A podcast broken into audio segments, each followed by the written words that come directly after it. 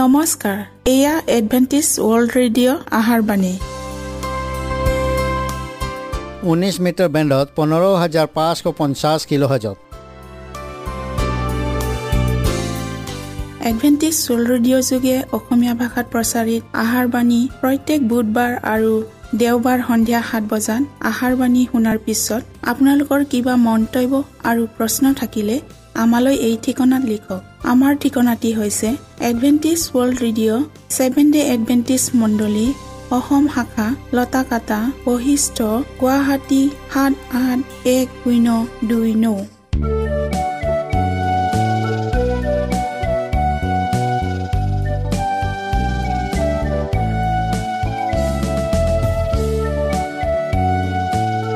প্ৰিয় শ্ৰোতা বন্ধুসকল এতিয়া শুনো আহক এটি খ্ৰীষ্টীয় ধৰ্মীয় গীত।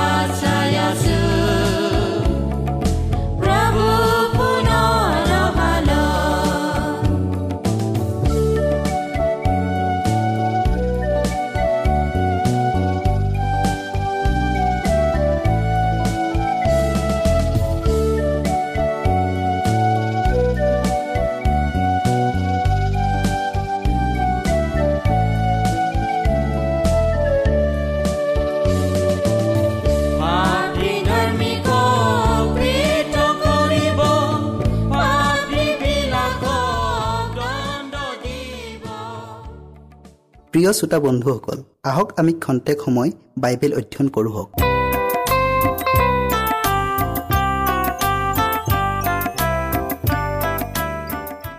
আজি আমি মোহৰ বা চাপ মাৰা আৰু শেহতীয়া বৰষুণৰ বিষয়ে অধ্যয়ন কৰোঁ হওক।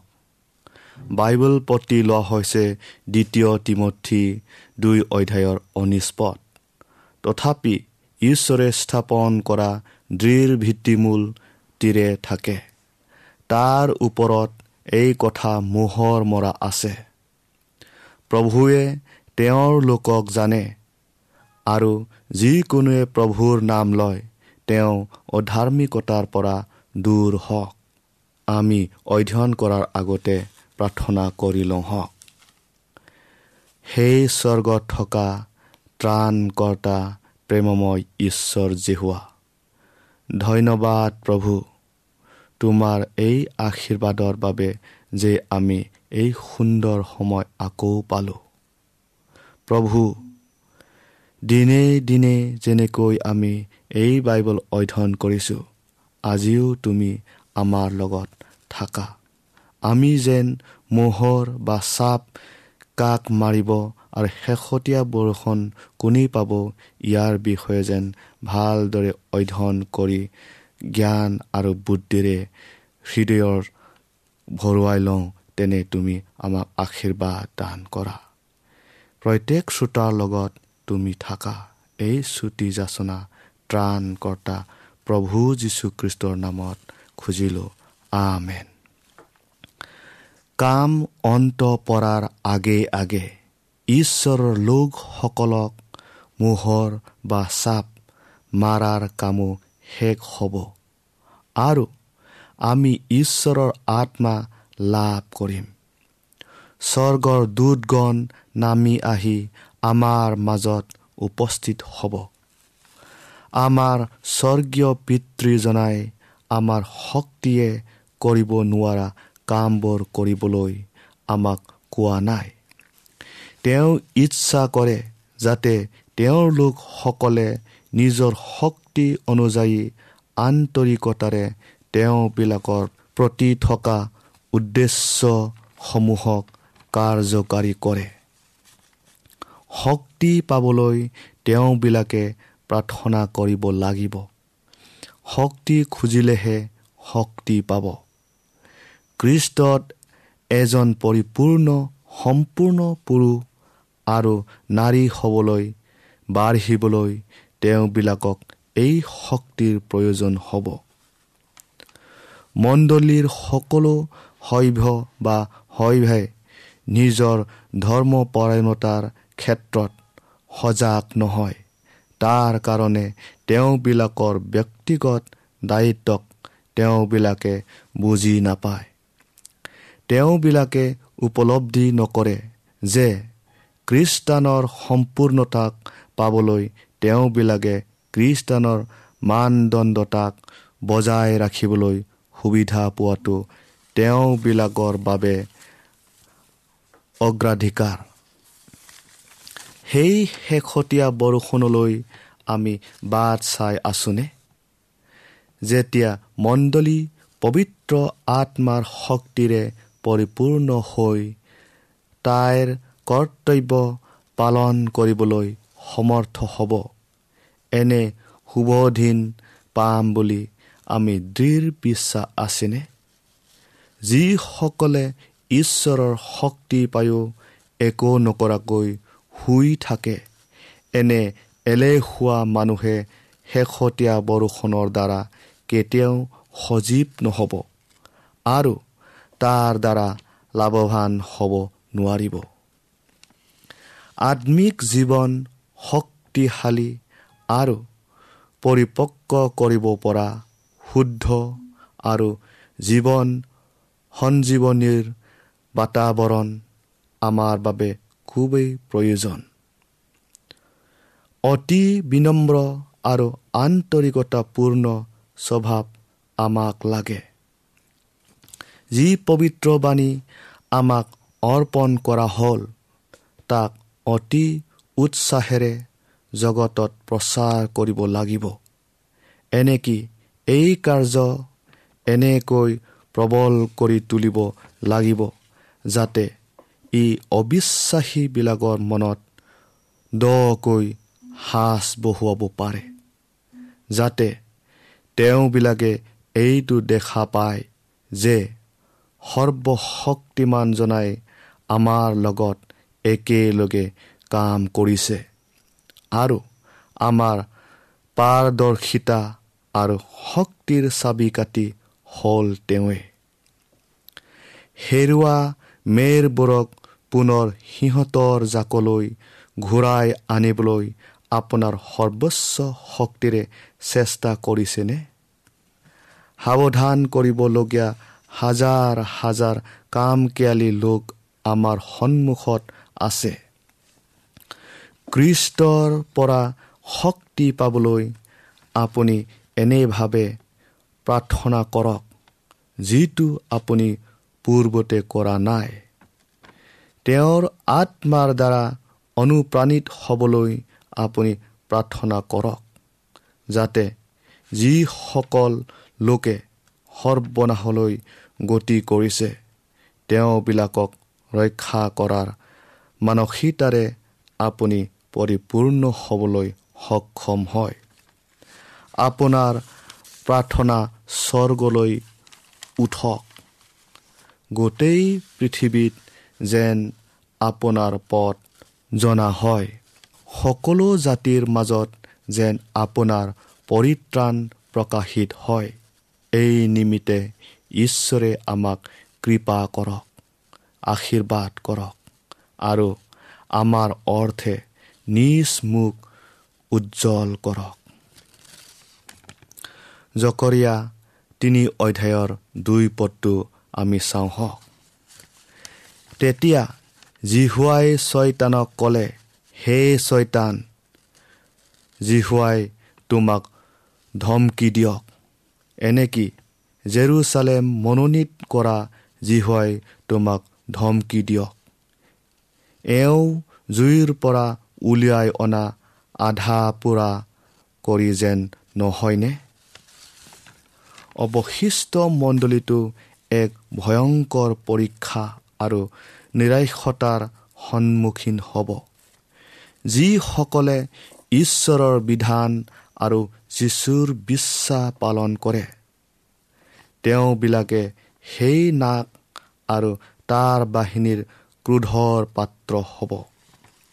ছয়তানে এই পৃথিৱীখনক তাৰ স্বীকাৰ কৰিব আৰু সি ধৰ্মভ্ৰষ্ট হোৱা মণ্ডলীবোৰক তাৰ হাতৰ মুঠিলৈ আনিব।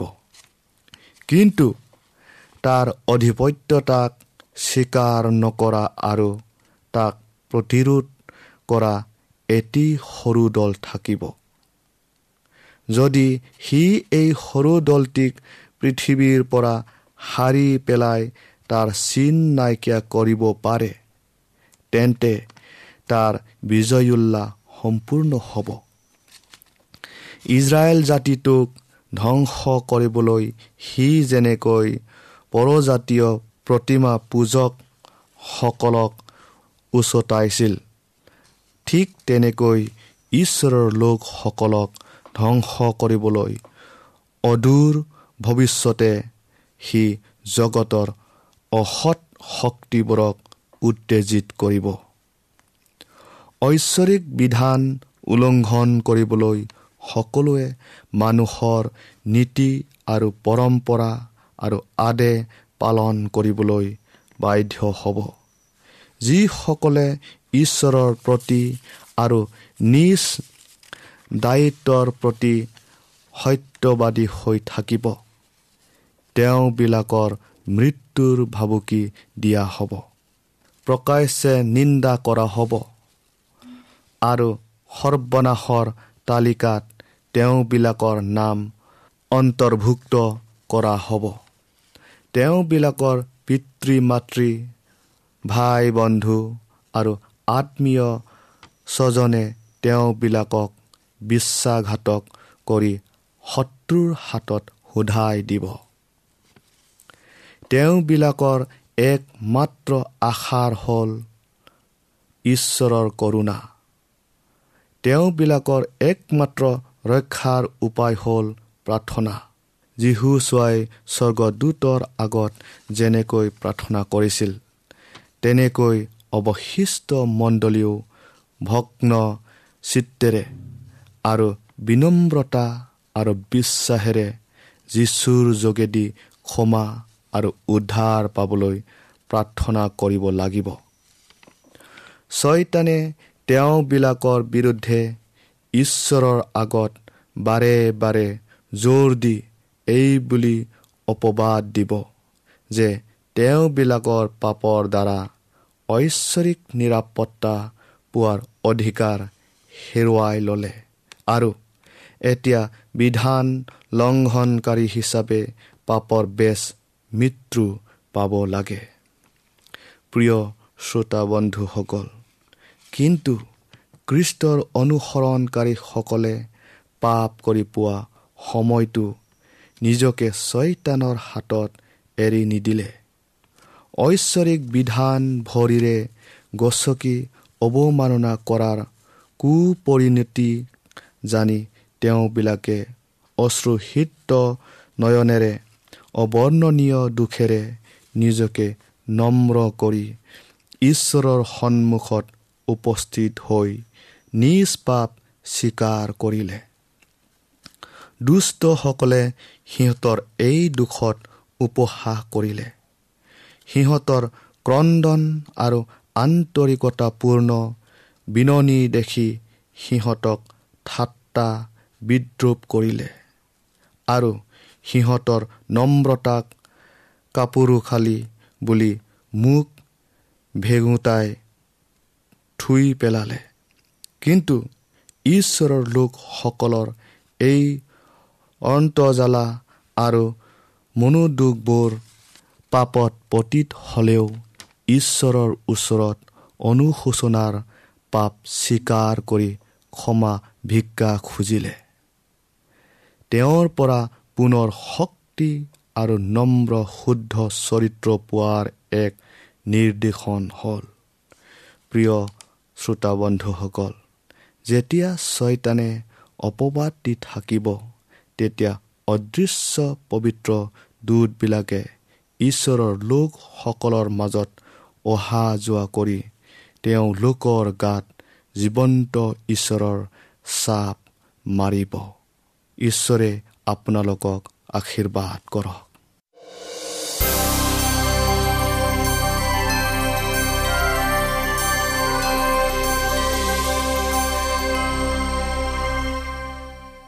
আজিৰ আমাৰ বিষয়টি হ'ল অতি সংকটময় সময় আমাৰ ওচৰত। বাইবেল পতি লোৱা হৈছে প্ৰকাশিত বাক্য সাত অধ্যায়ৰ এক পথ তাৰ পাছত পৃথিৱী বা সাগৰ বা কোনো গছৰ ওপৰত বতাহ যেন নবলায়।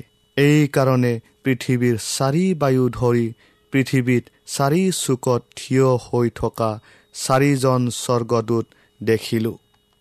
আমি বিষয়টিৰ আগবঢ়োৱাৰ আগত প্ৰাৰ্থনা কৰোঁ হওক হে সৰ্বশক্তিমান প্ৰভু যি আহিবলগীয়া মহা সংকট সেই সংকটৰ বিষয়ে আৰু তাৰ কাৰণে আমি কেনেকৈ সাজু হ'ম তাক জানিবলৈ প্ৰতিজন আশাৰ বাণী শুনোতাসকলৰ জ্ঞান চকু মুকলি কৰা। যীশুৰ নামত আমেন। চাৰিজন মহাশক্তিশালী স্বৰ্গদূতে চাৰি বায়ুক এতিয়াও ধৰি ৰাখিছে। ভয়ানক ধ্বংস। সেইকাৰণে এতিয়াও সম্পূৰ্ণকৈ অহা নাই। এই বায়ুৰে দেশসমূহক পৰস্পৰে পৰস্পৰক লগত যুঁজ কৰি মৰা মৰি কটাকটি কৰিবলৈ উত্তেজিত কৰি তুলিব। কিন্তু আনহাতে যেতিয়া এই দূতসকলে চাৰি বায়ুক ধৰি ৰাখি পৃথিৱীত প্ৰৱেশ কৰিবলৈ নিষেধ কৰিব। তেতিয়া ছয়তানে পূৰ্ণ শক্তিৰে নিজৰ ভয়ানক অভিসন্ধি চৰিতাৰ্থ কৰিবলৈ ঈশ্বৰৰ দাসৰ ওপৰত আক্ৰমণ চলাব। যেতিয়ালৈকে ঈশ্বৰৰ দাসসকলৰ ওপৰত তেওঁৰ চাপ মৰা শেষ নহয় বৰ্তমানৰ সময়ৰ চিনবোৰে ইয়াকে প্ৰমাণ কৰিছে যে ঈশ্বৰৰ সোধ বিচাৰৰ ইতিমধ্যে আৰম্ভ হৈ গৈছে। আৰু খ্ৰীষ্টৰ আগমনৰ কাল অতি ওচৰ হ'ল। দৈনিক বাতৰি কাষতে এইটোকে ইংগিত দিছে যে অতি সোনকালে এক ভয়ানক সংঘৰ্ষ সংঘটিত হ'ব। ভয়ানক চুৰ ডকাইতিৰ কাৰ্য আজি সঘনে হ'ব ধৰিছে। ধৰ্মঘট আন্দোলন আদি স্বাভাৱিক ঘটনাক পৰিণত হ'ল। চুৰ কৰা নৰহত্যা আদি কাৰ্যবোৰ সকলো ঠাইতে সংঘটিত হৈয়ে আছে। পুৰুষ মহিলা আৰু সৰু ল'ৰা ছোৱালীসকলৰ জীৱন ছয়তানৰ দ্বাৰা চালিত। লোকসকলে নষ্ট কৰিয়ে আছে। এই সকলোবোৰ বিষয়ে ইয়াকে প্ৰমাণ কৰিছে যে প্ৰভু অহাৰ দিন ওচৰ চাপিল। ঈশ্বৰৰ আত্মাক প্ৰতিৰোধ কৰা আজি পৃথিৱীত দেখা নাযায়। গৰম বতাহ প্ৰবাহ ধুমুহা ঘূৰণি বতাহ জল আৰু স্থল হোৱা প্ৰাকৃতিক দুৰ্যোগবোৰ এটাৰ পিছত এটাকৈ সংঘটিত হ'বলৈ ধৰিছে। আমাৰ চাৰিওফালে নানা ধৰণৰ লক্ষণ আৰু চিন আগুৰি আছে। এইবোৰে ঈশ্বৰৰ পুত্ৰৰ আগমনৰ বিষয়ে আগজাননী দিছে। এইবোৰ আন আন প্ৰমাণতকৈ অধিক মূল্যৱান। প্ৰিয় শ্ৰোতা বৰ্তমান আমি এনে সময়ত বাস কৰিছোঁ হওক। যি সময়ত পৃথিৱীত উদ্ভৱ হোৱা দুখ যন্ত্ৰণা আদিক মানুহৰ কোনো ঔষধে নিৰাময় কৰিব নোৱাৰে। এনেকি সেই অন্তিম মহাপ্ৰলয়ৰ আগে আগে মানুহৰ মিছা কৃতিত্ব মিছা গৌৰৱৰ প্ৰকাণ্ড স্মৃতি স্তম্ভবোৰ চূৰ্ণ বিচূৰ্ণ হৈ ধূলিত পৰিণত হ'ব। যিসকলে মহান সত্যতাৰ পোহৰত থাকিও পাপ কাৰ্যত লিপ্ত হৈয়ে থাকিব তেনে লোকৰ ওপৰত ঈশ্বৰৰ শাস্তিৰ বিচাৰ পৰিব। অগ্নিয়ে দগ্ধ কৰিব নোৱাৰা বুলি প্ৰমাণিত প্ৰকাণ্ড প্ৰকাণ্ড ব্যয়বহুল আট্টালিকা স্থাপন কৰা হ'ব। কিন্তু ঈশ্বৰৰ শাস্তিৰ জুয়ে যেনেকৈ চদম গমৰাক পুৰি ভস্ম কৰিছিল এইবোৰ আট্টালিকাও ভস্ম হৈ চাই হ'ব। মহাসমুদ্ৰৰ ক্ৰোধাম্বিত হোৱা প্ৰলয়ংকাৰী ধুমুহাবোৰ যেন আহিবলৈ উদ্যত হৈছে। মানুহে এতিয়া নানা ধন সোণ মান মৰ্যাদা গোটালেও সেইবোৰ কচু পাতৰ পানীৰ দৰে হ'ব। কিন্তু উত্তেজনাময় এই কোলাহলৰ মাজতো পৃথিৱীৰ নানা বিভ্ৰান্তিৰ মাজতো এই পৃথিৱীত ঈশ্বৰৰ বাবে কৰিবলগীয়া কাম আছে। কিন্তু প্ৰিয় শ্ৰোতা বন্ধু এই যি সকলো দুৰ্যোগ আহিব তাৰ বাবে ছয়তানে কাক দোষী কৰিব আপুনি জানানে? বাইবেলৰ পৰা এটা শাস্ত্ৰপদ পঢ়ো হওক। প্ৰকাশিত বাক্য বাৰ অধ্যায়ৰ বাৰ পদটো হে পৃথিৱী আৰু সমুদ্ৰ তোমালোকৰ সন্তাপ হ'ব। কিয়নো ছয়তান তোমালোকৰ তালৈ নামি গ'ল। আৰু তাৰ কাল অলপ দেখি সি অতি ক্ৰুদ্ধ হৈছে। যেতিয়া মানুহ জাতিটোৱে ঈশ্বৰৰ ওচৰৰ পৰা দূৰৰ পৰা দূৰলৈ আঁতৰি যায় তেতিয়া সেই অবাধ্য সন্তানসকলৰ ওপৰত নিজৰ শক্তি প্ৰয়োগ কৰিবলৈ ছয়তানে সুবিধা পায়। তেতিয়া সি সুৰ সুৰাই সিহঁতলৈ ধ্বংস আনে। স্থল আৰু জল উভয়তে প্ৰাকৃতিক দুৰ্যোগ হ'ব। অগ্নি আৰু বানপানীৰ দ্বাৰা অঘাত ধন সম্পত্তি আৰু অসংখ্য লোকৰ প্ৰাণ নষ্ট হ'ব। দুৰ্যোগবোৰ আহিব অতি ভয়ংকৰ দুৰ্যোগবোৰ। অনাকাংক্ষিক দুৰ্যোগবোৰ আহিব আৰু এই সৰ্বনাবোৰ এটাৰ পাছত এটাকৈ সংঘটিত হ'ব।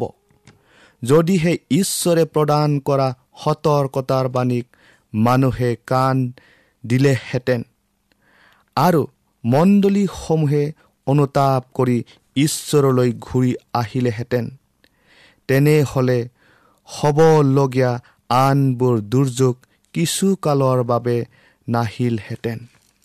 কিন্তু মানুহে যি প্ৰতাৰণাৰ পথত চলি অহৰহভাৱে প্ৰতাৰিত হৈ আছে আৰু ঈশ্বৰৰ বিধানক অৱমাননা কৰি আছে আৰু মিছা শিক্ষাকে মানুহবিলাকৰ মাজত প্ৰচাৰ কৰি আছে সেয়ে সিহঁতৰ চেতনা যেন জাগি উঠে।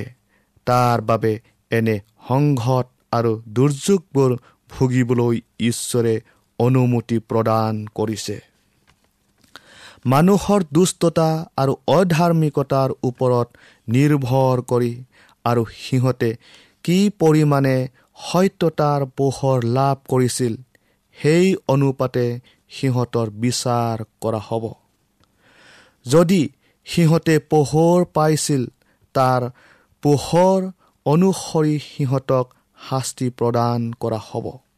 ঘটি থকা দুৰ্যোগবোৰৰ সম্বন্ধে ছয়তানে এনেভাৱে ভুলকৈ ব্যাখ্যা কৰিব যে মানুহবোৰে এনে কি মণ্ডলীৰ চলাওঁতাসকলে ভাবিব যে এই দুৰ্যোগবোৰ কেৱল ঈশ্বৰৰ আজ্ঞা পালন নকৰাৰ বাবে আহিছে। প্ৰিয় শ্ৰোতা যি সংকট আহিব লাগিছে আৰু এই সংকট আৰু নানা প্ৰাকৃতিক দুৰ্যোগ আদি হোৱাত ছয়তানে ঈশ্বৰৰ ভক্ত লোকসকলকহে দোষ ধৰিব। এইবোৰ কথা শুনি আপুনি ভয় খাইছেনে? প্ৰভুৱে কৈছে ভয় নকৰিবা কিয়নো মই তোমাৰ সংগত আছো। ঈশ্বৰে আপোনালোকক আশীৰ্বাদ কৰক।